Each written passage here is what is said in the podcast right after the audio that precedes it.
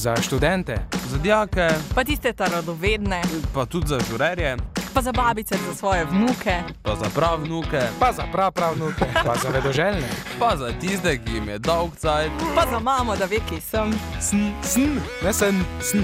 Sen. Pa ni sen, sn. sn. Itak pa za mlade, ne? Za mlade. Za mlade. Za mlade. Za mlade. Za mlade. Vsako sredo podaja mladi, mladi, mladi, mladi na radiju Maribor.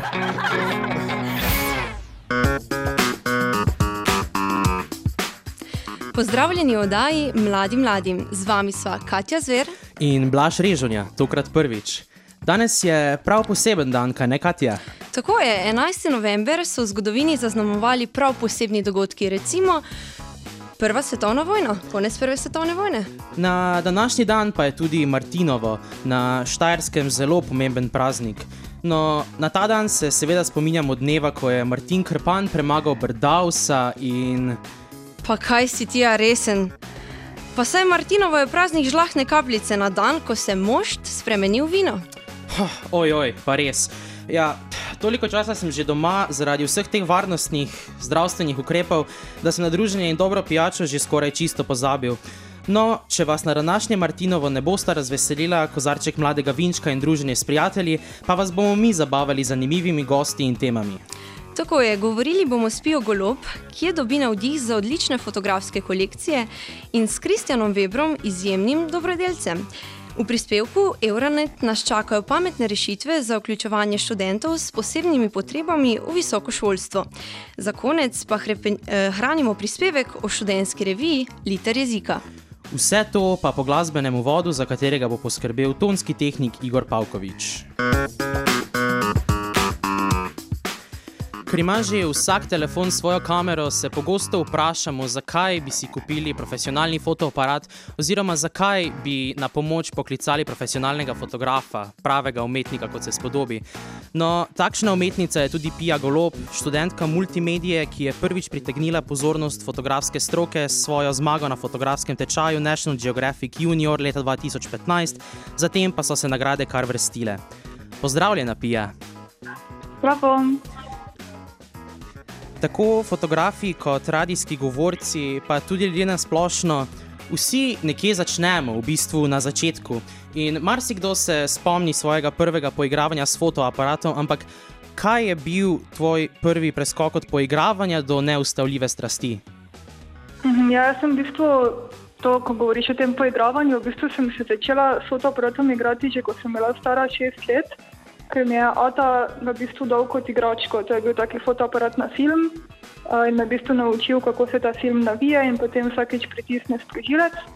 Um, in tako se je v bistvu začelo. Ne? Potem je pa po nekaj letih povedal, da, v bistvu, da v njem ni bilo filma. Uh, in to je bilo takrat veliko razočaranje, ampak um, sem pač nekako prebolela. Ne? Ker pač potem teh fotografij nikoli nisem, nisem videla, čeprav sem se več, več let delala, da fotografiram.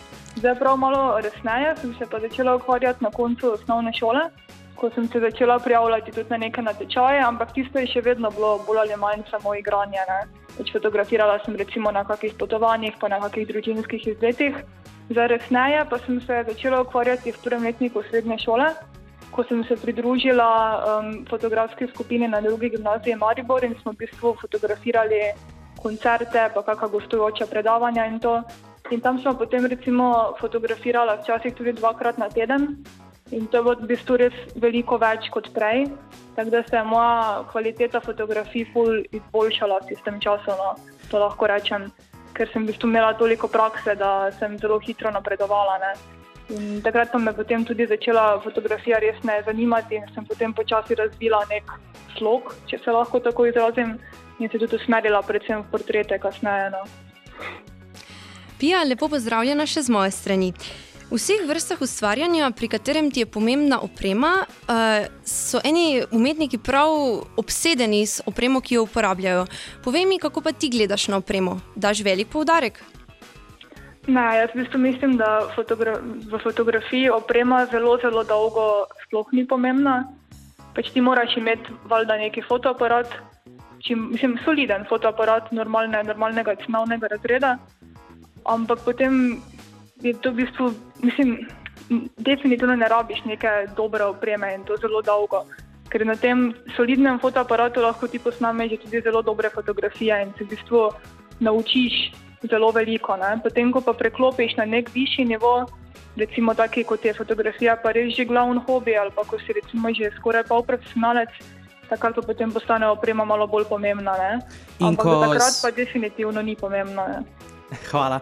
In ko si omenila v bistvu profesionalno udejstvovanje in ustvarjanje na fotografskem področju, se hitro znajdeš v akademskem svetu in obkrožijo te neki vehementni, pomembni izrazi, kot so recimo glavni subjekt, fokus, perspektiva in še številni. Ampak, ko se vrneš v bis- k bistvu, je vendarle treba najti odličen motiv. Kaj te, naj, kaj te navdihne, najbolj prepriča, da ravno v pravem trenutku pritisneš na sprožilec?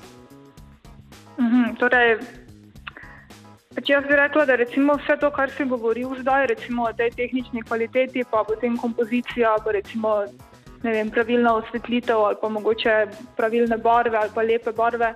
To je vse pomembno, samo še vedno pa, da je neka fotografija zanimiva in pa dobra, pač mora imeti po mojem mnenju še nekaj drugega, ne? torej nekaj, kar te pritegne. Hvala, Zdaj, Pija, za vedno- enkrat, za enkrat hvala. Zagotovo si pa poslušalcev s tvojimi odgovori že zelo pritegnila. Zato nadaljujemo s polno paro, takoj po glasbenem premoru. Svoje izkušnje in mnenja o sodobnem razmišljanju fotografa z nami še vedno deli Pija Golob, fotografinja iz Maribora, ki se ne ustraši nobenega izziva, pa naj bo to fotografiranje ljudi, arhitekture, dogodkov in še marsičesa drugega. Pija, če bi morala izbrati le en tip motiva, ki bi ga na to slikala preostanek svoje kariere, kateri bi to bil in zakaj? Mm, Jaz bi definitivno izbrala portrete, ker so mi nekako ljudje že sami po sebi zelo zanimivi, tudi izven fotografije. Pač recimo, dosti krat vem, rada opazujem nekaj ljudi, recimo njihove karakterje. Zdaj potem se pa to super poveže s fotografijo, ker pač poskusim te značaje čim boljše ponazoriti na fotografiji, torej, da, da so čim bolj razvidni. Ker pri portretih se mi pač zdi res pomembno, da je značaj portretiranca razviden ali pa neka mogoče njegova zgodba, ne? če je predstavljen v neki situaciji. Pa tudi sam postopek fotografiranja portretov se mi zdi zelo zanimiv, ker v bistvu ima ta aspekt medčloveškega stika, um, ki ga v drugih pač oblikah fotografije ali pa drugih ja, podskupinah fotografije ni. Ne. Pri tem v bistvu tudi recimo, spoznaš dosti novih ljudi. Ali pa še bolj zanimivo mi je, ko si recimo za zmeraj zapomniš neke neznance. Ker recimo, ko sem bila na Kitajskem, sem posnela serijo portreti Pekinga, ker so bili v bistvu čisto ulični portreti, ne? ampak te neznance sem si jaz v bistvu preko mojih fotografij zavedno zapomnila, ne? te njihove obraze, čeprav jih pač še seveda ne poznam in jih tudi nikoli ne bom poznala. Ne? In to mi je pač res zanimiv občutek, no? ko se na nek način zbližaš z neznanci preko fotografije. Pa raje fotografiraš neznance ali ljudi, s katerimi se sprva spoznaš? Ja, to je dobro vprašanje. Um, pa bi rekla, da nekje oboje. Mogoče pri neznancih je malo slabost, ker sem še vedno malo sramežljiva in včasih je dejansko tudi težje pristopiti, ne? ker nikoli ne veš, če ti bo nekdo pustil, da ga fotografiraš. Da seveda tu ne, ne moreš ravno predhodno vprašati, ker kak hitro vprašaš, potem je v bistvu fotografija že zaigrana. Ne? Ampak še vedno pa se lahko zgodi, da nekdo negativno reagira na fotografiranje in potem je tu vedno prisoten nek strah. Ampak je pa po drugi strani tudi zelo zanimivo, ne? zato ker pa je vseeno, pa dosti krat so recimo kadri bolj zanimivi, ker pač nekoga ne poznaš, ampak je pa moment perfekten za fotografijo. Ne? Zdaj pa seveda tudi super fotografirati ljudi, ki jih poznaš, ker tam pa mogoče boljše poznaš njihov karakter in potem toliko lažje v bistvu ta karakter ustrezno prikačeš na fotografiji. Ne? Pija, nekateri se, zad, se zadovoljijo le z največjimi uspehi in tudi naštetimi nagradami. Kaj pa bi tebi kot fotografinji predstavljalo največjo čast? Ho, to, to je zelo zanimivo vprašanje. Kaj pa vem, meni je najbolj pomembno, da sem jaz zadovoljna s svojimi fotografijami. No. Pač recimo vsakič, ko posnamem neko dobro fotografijo, potem še par dni recimo, razmišljam o tisti fotografiji ali pa jo imam v glavi in sem pač z njo zadovoljna ne. in mi to v bistvu daje neko srečo. Um, zdaj kot neko zunanje potrdilo, pa ne vem, kakšne razstave so že fajn, da lahko recimo predstaviš svoje delo. Ne. To, je, to je vedno fajn.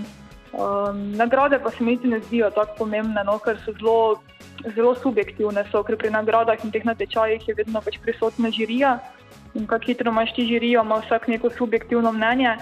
In je tudi v bistvu malo od sreče odvisno, malo od tega, pač kako bo dejansko neki osebi, ki je v žiriji tvoja fotografija všeč. Tudi konkurenca je dosti krat zelo visoka, tudi na- nagrade mi niso tako pomembne. No. Je pa Kot- vedno lepo dobiti, seveda, nagrado tudi. Ne.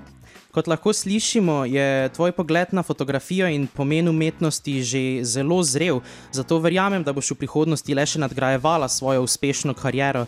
Kaj pa so tvoje aspiracije za prihodnost, kaj so najbolj oprijemljivi cilji, ki si jih postavljaš trenutno? Mm, v tem trenutku v bistvu dejansko nimam nekih ciljev. Zdaj lani, oziroma letos februarja, sem imela eno razstavo v Mariborskem fotografskem muzeju. To mi je bil nekak cilj vedno, da pripravim samostojno razstavo. Da to sem že dosegla. Zdaj za naprej pa trenut, trenutno v bistvu malo mirujem. Mislim, seveda fotografiram vedno, ampak nimam pa še nekih fiksnih ciljev. Bi pa rada ostala pač v stiku s fotografijo in potem preprosto čisto spontano videla, kaj se zgodi. Prijavljam se sproti na natečaje uh, redno, tako da tam je kdaj pa kdaj kakšen dosežek, pa tudi kakšne nove priložnosti se potem odprejo. Ampak ja, pač rada bi ostala v stiku s fotografijo, če se da, pa bi tudi rada kdaj v bistvu upravljala čim bolj profesionalno ali pa vsaj pol profesionalno. No. Ali Tako- pa vsaj kot res glavni hobi. Ne. Tako je, tako je. Zdaj pa mi povej, s svojimi razmišljanji si morda naše poslušalce tudi prepričala, kje pa te lahko najdejo, kje te lahko poiščejo. Mm, Jaz sem v bistvu na Instagramu fotografski profil, torej če vtipkajo Pia Golob Photography, me bodo našli. Imam pa tudi svojo spletno stran, uh, online portfolio www.piagolob.com. Pija Golob, hvala ti za deljenje svojih mnenj in fotografske preteklosti. S Katjo ti želiva Ja, še. vama. S Katjo ti želiva še veliko uspešno ujetih trenutkov, ki jih bodo lahko še generacije občudovali naši zanamci. Ja, hvala. Hvala, adijo.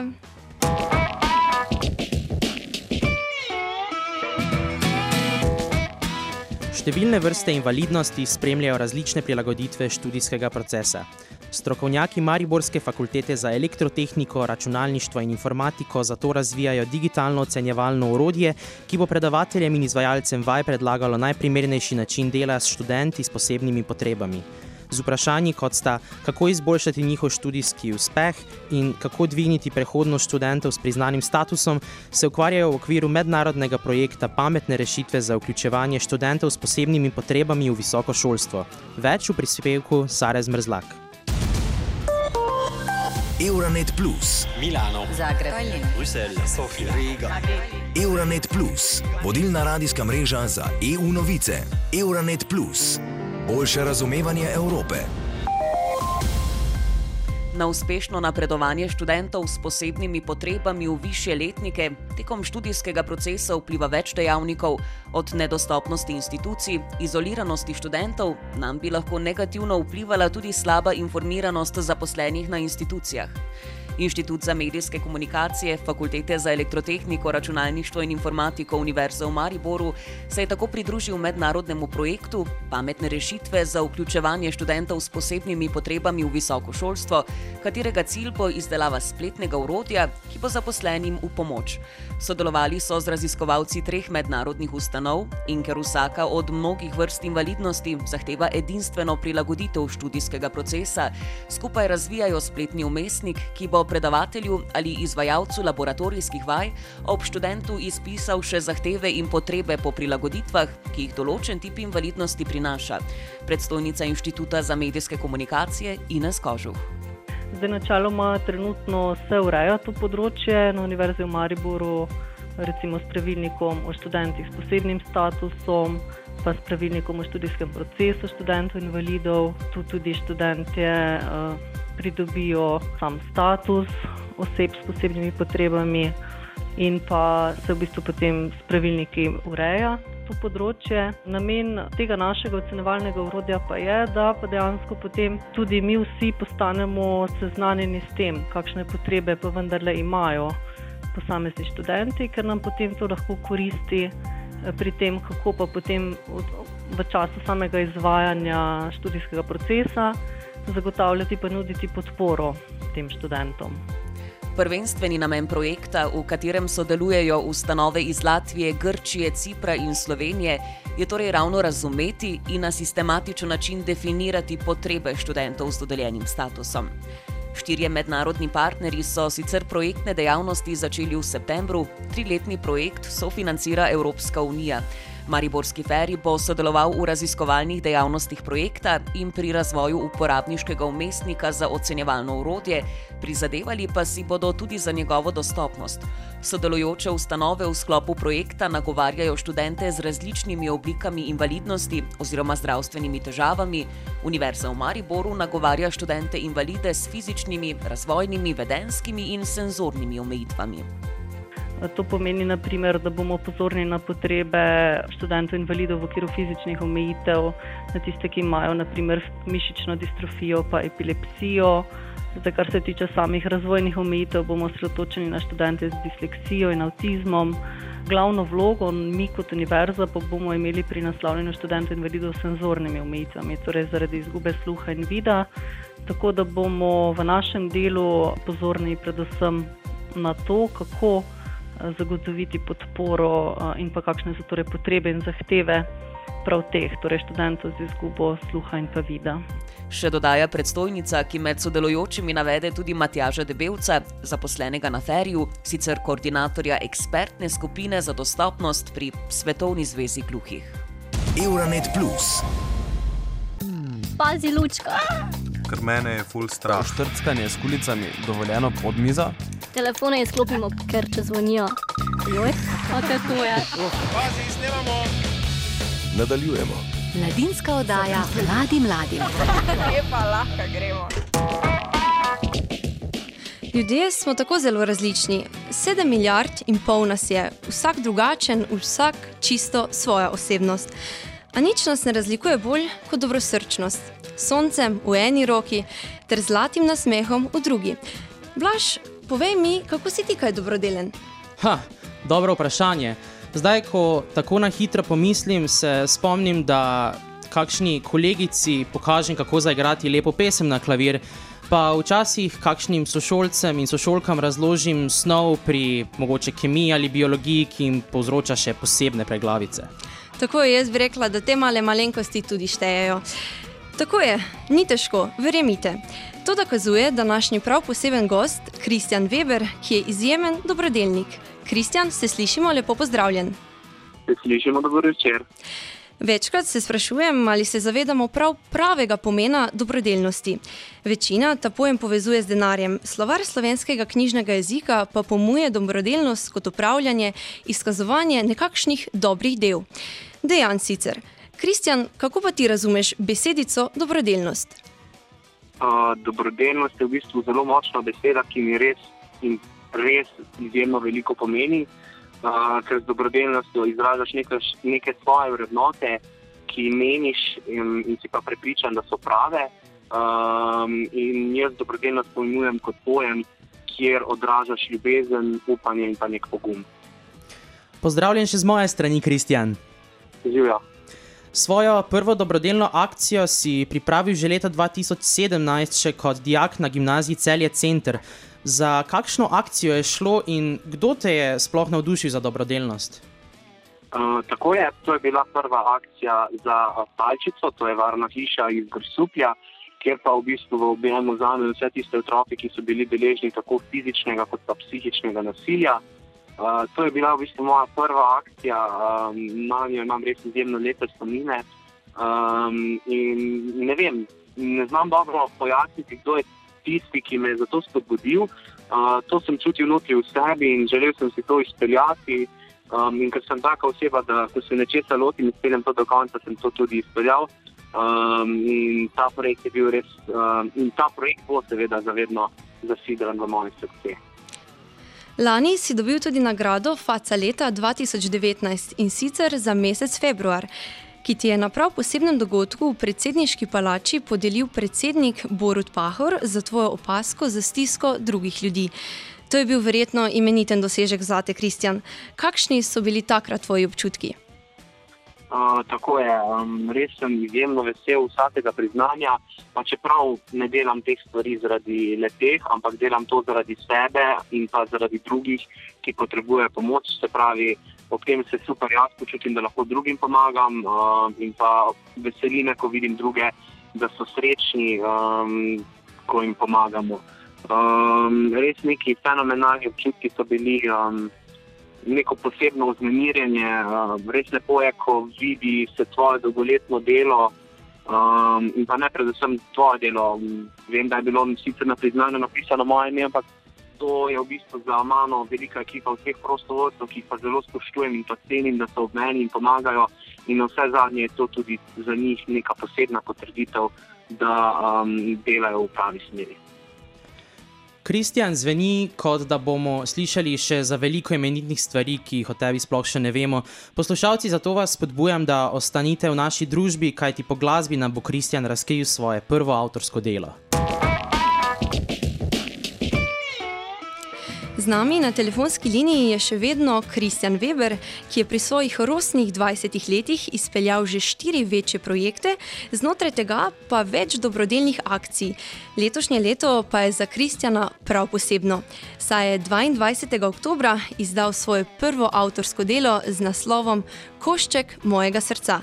Kristjan, najprej, preden nadaljujeva s vprašanji, bi ti izrekla iskrene čestitke. Najlepša hvala. Zdaj pa nam povej, kaj te je pritegnilo do tega, da sploh napišeš knjigo. Kaj je bilo tvoje vodilo pri pisanju? V bistvu to je najbolj zanimivo, da nikoli nisem razmišljal o tem, da bi napisal kdaj knjigo. Uh, ampak še zdaj se spomnim, da iz noči 3. junija na 4. juni pred spanjem se mi je porodila ideja o fantu, ki deli koške srca med ljudi. Uh, sicer sem bil takrat malo preljen in si nisem šel zapisati uh, te ideje, ker mi je bilo strah, da bi se naslednji jutro, um, ker bi mi bilo strah, da bi naslednji jutro pozabil. Ampak sem se um, potem zjutraj spomnil in začel pisati. V enem tednu je bila knjiga napisana, um, potem še zlektorirana, uh, potem je še bilo treba poiskati založbo in ja, ostala je zgodovina. Torej, prešinila te je samo nekakšna misel in gremo pisati. Tako je. Um, vedno se to ponavadi zgodi v izpitnem obdobju, da se mi porodijo um, zamisli o tem, kaj ne delati. Zato, ker um, večino časa posvečam predvsem izven študijskim dejavnostim, uh, zato si tudi v uh, izpitnem obdobju rad um, vzamem čas za kaj drugo, kot študiranje literature. Zveni prav filmsko in spoštovanje vredno. Katja, a si tudi ti kadarkoli razmišljala o tem, da bi morda napisala kakšno knjigo?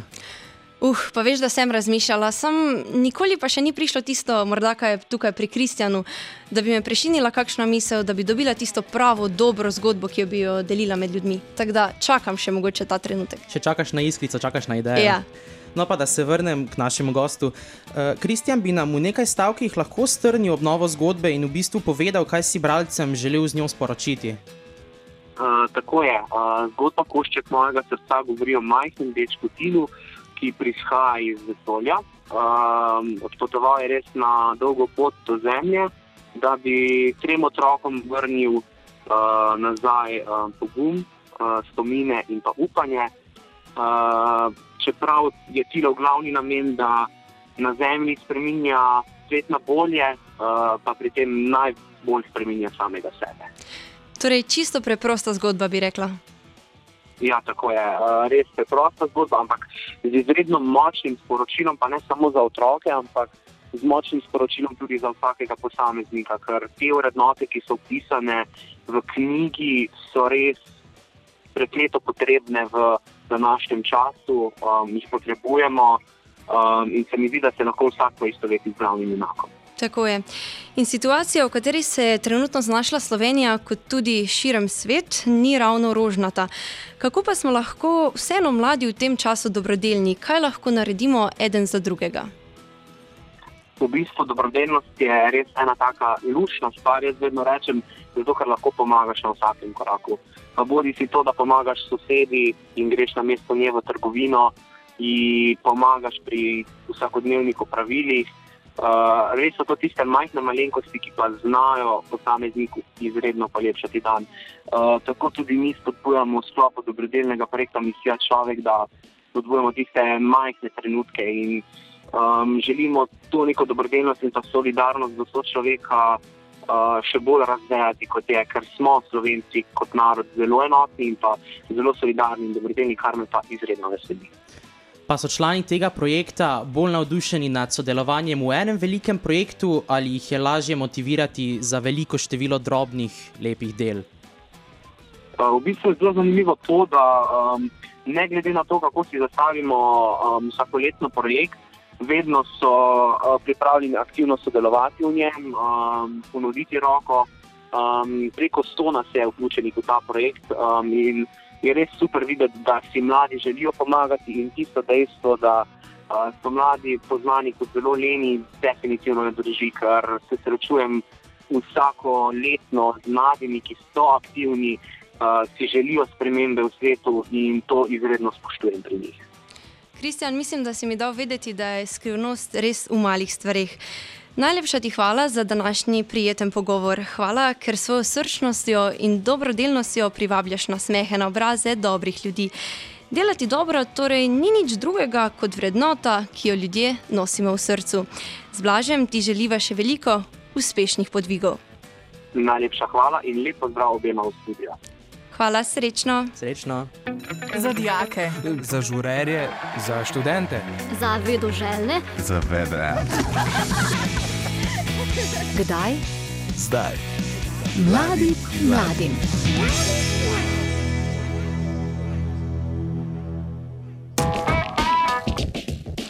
Študentsko literarno in jezikovno revijo Liter jezika, ki jo pripravljajo študentje Filozofske fakultete v Mariboru, bodo letos prvič izdali v spletni obliki. Pogovarjali smo se z glavno urednico revije, Karin Jureš, tudi o tem, da lahko svojo prozo, poezijo ali kritični esejski premislek za objavo v prihodnji številki oddajo tokrat tudi vsi študentje. Več v prispevku Tara Kuster.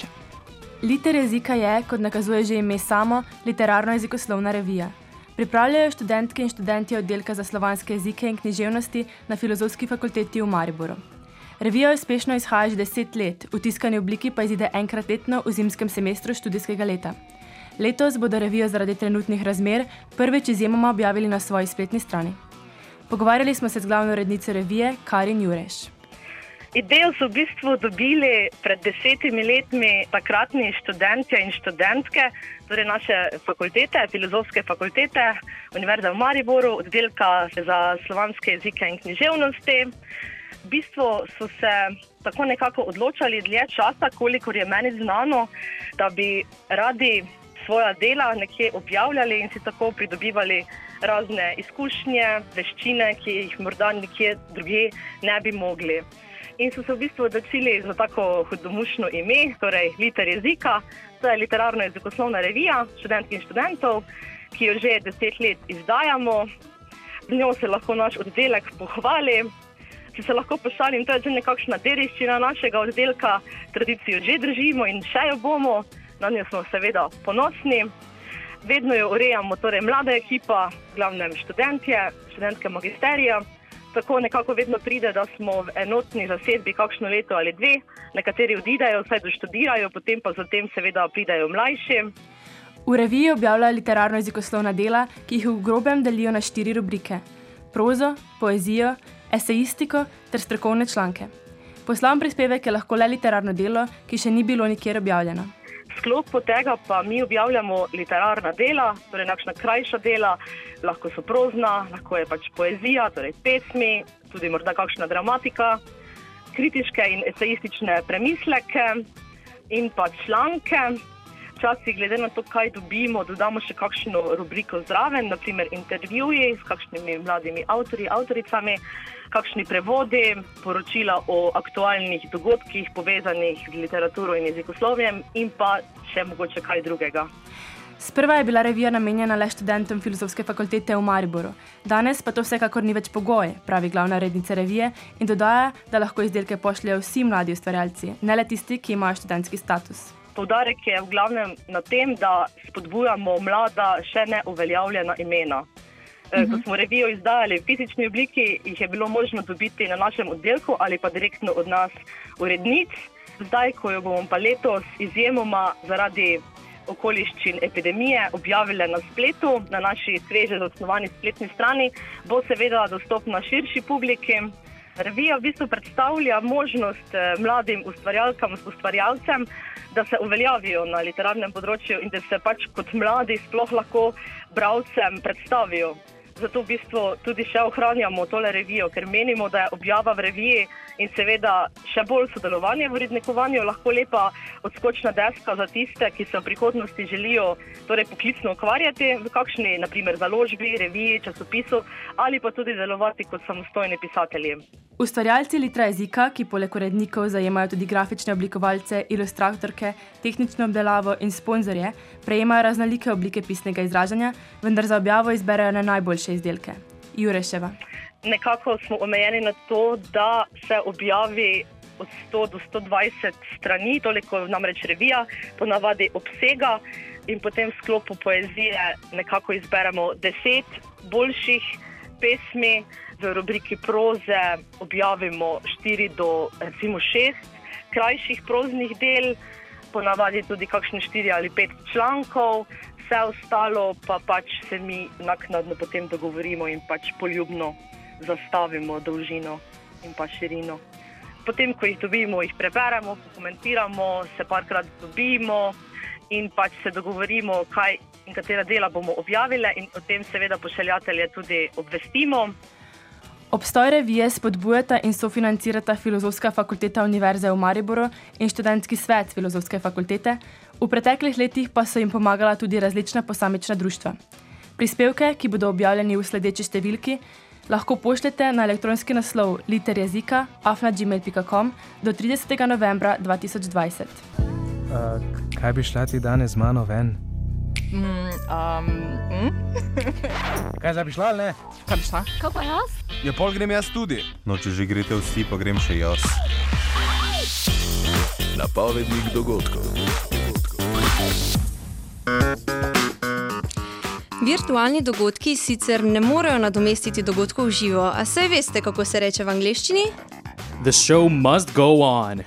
In tako so z Blažem izbrskala nekaj takih dogodkov, ki se jih lahko udeležite kar svojega domačega kavča. Mariborsko društvo študentov geografije bo ta petek 13. novembra upihnilo tri svečke na rojstnodnevni torti. Ker pa jim trenutne razmere ne dovolijo, da bi svoj rojstni dan praznovali kot smo vajeni, vas vabijo na rojstnodnevni geografski trivia quiz na Microsoft Teams in sicer v petek ob 19. Prijave zbirajo samo še do jutri 12. novembra do polnoči na dsgmquiz.afnagmail.com. Zmagovalno ekipo čakajo praznične nagrade. Geografi po duši, sestavite s prijatelji in sošolci ekipo in preizkusite svoje geografsko znanje. Mestna občina Maribor in partnerji so na spletni platformi dostopni na vstopni strani www.karierni-vezaj-sejem.si. Pripravila virtualni karierni sejem od 16. do 20. novembra, ki je namenjen prav osnovnošolcem, in od 23. do 27. novembra pa prav za srednješolce. Virtualni obisk sejma, ki si ga učenci in dijaki lahko ogledajo samostojno, je brezplačen. Gre za tehnološko dodelan obisk na način virtualnega sprehoda, ki prav posnema občutek sprehoda v živo. Poišči torej svoje poslanstvo s pomočjo virtualnega prostora. Za vse mlade mislece, usmerjene v prihodnost, sta Univerza v Ljubljani in Univerza v Mariboru pripravili v sodelovanju s številnimi vodilnimi domačimi in tujimi podjetji spletni festival Uniminds, ki bo omogočal komunikacijo med študenti ter predstavniki podjetij in univerzitetnega sveta.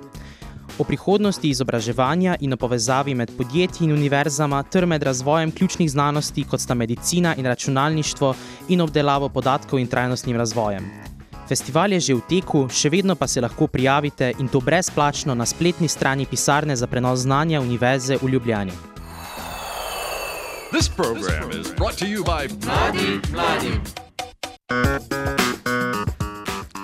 No, pa smo pri koncu, pa se je zaključil še en zanimiv sredin večer. No, Blaž, sedaj pa lahko poveš svoje prve občutke na vodenje oddaje. Ja, imam se prav lepo, v bistvu, se, v bistvu je lepo toplo, veliko zanimivega smo izvedeli in upam, da so se poslušalci imeli tako dobro kot jaz. Tako je, najdete nas na Facebooku Mladi Mladim Radijska oddaja, kjer nas lahko všečkate in nam sledite. Prav tako tudi na našem Instagram profilu mladi.mladim, kjer boste obveščeni tudi o temah prihodnjih oddaj. Oddajo smo pripravili Blaž Režonja, Katja Zver, Sara Zmrzlak, Tara Kuster in tonski tehnik Igor Pavkovič. Hvala, ker ste bili z nami. Do naslednjič pa veliko dobre volje, pozitivne energije in ostanite zdravi. Adijo! Adijo!